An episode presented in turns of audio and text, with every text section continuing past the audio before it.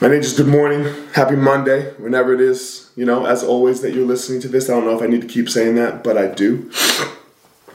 Uh, man, I want you to realize this about yourself.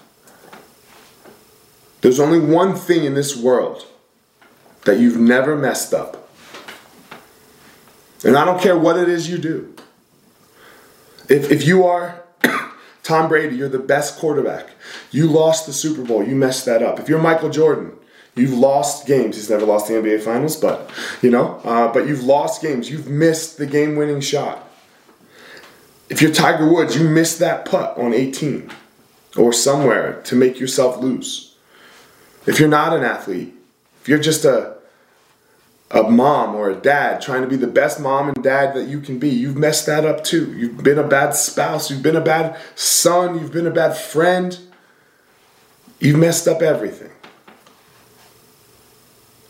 Except making it through a really bad day. You've never messed that up. Not one time in your whole life.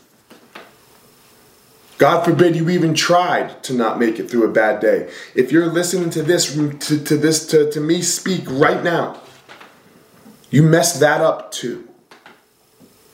You're amazing at surviving. You're absolutely fucking amazing at surviving. That's what I want you to hold on to.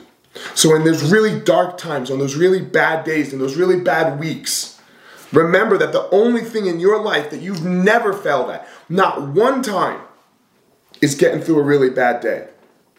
Hold on to that shit. Hold on to it deep in your core. Discover your passion, find your power, give your purpose to the world, my ninjas.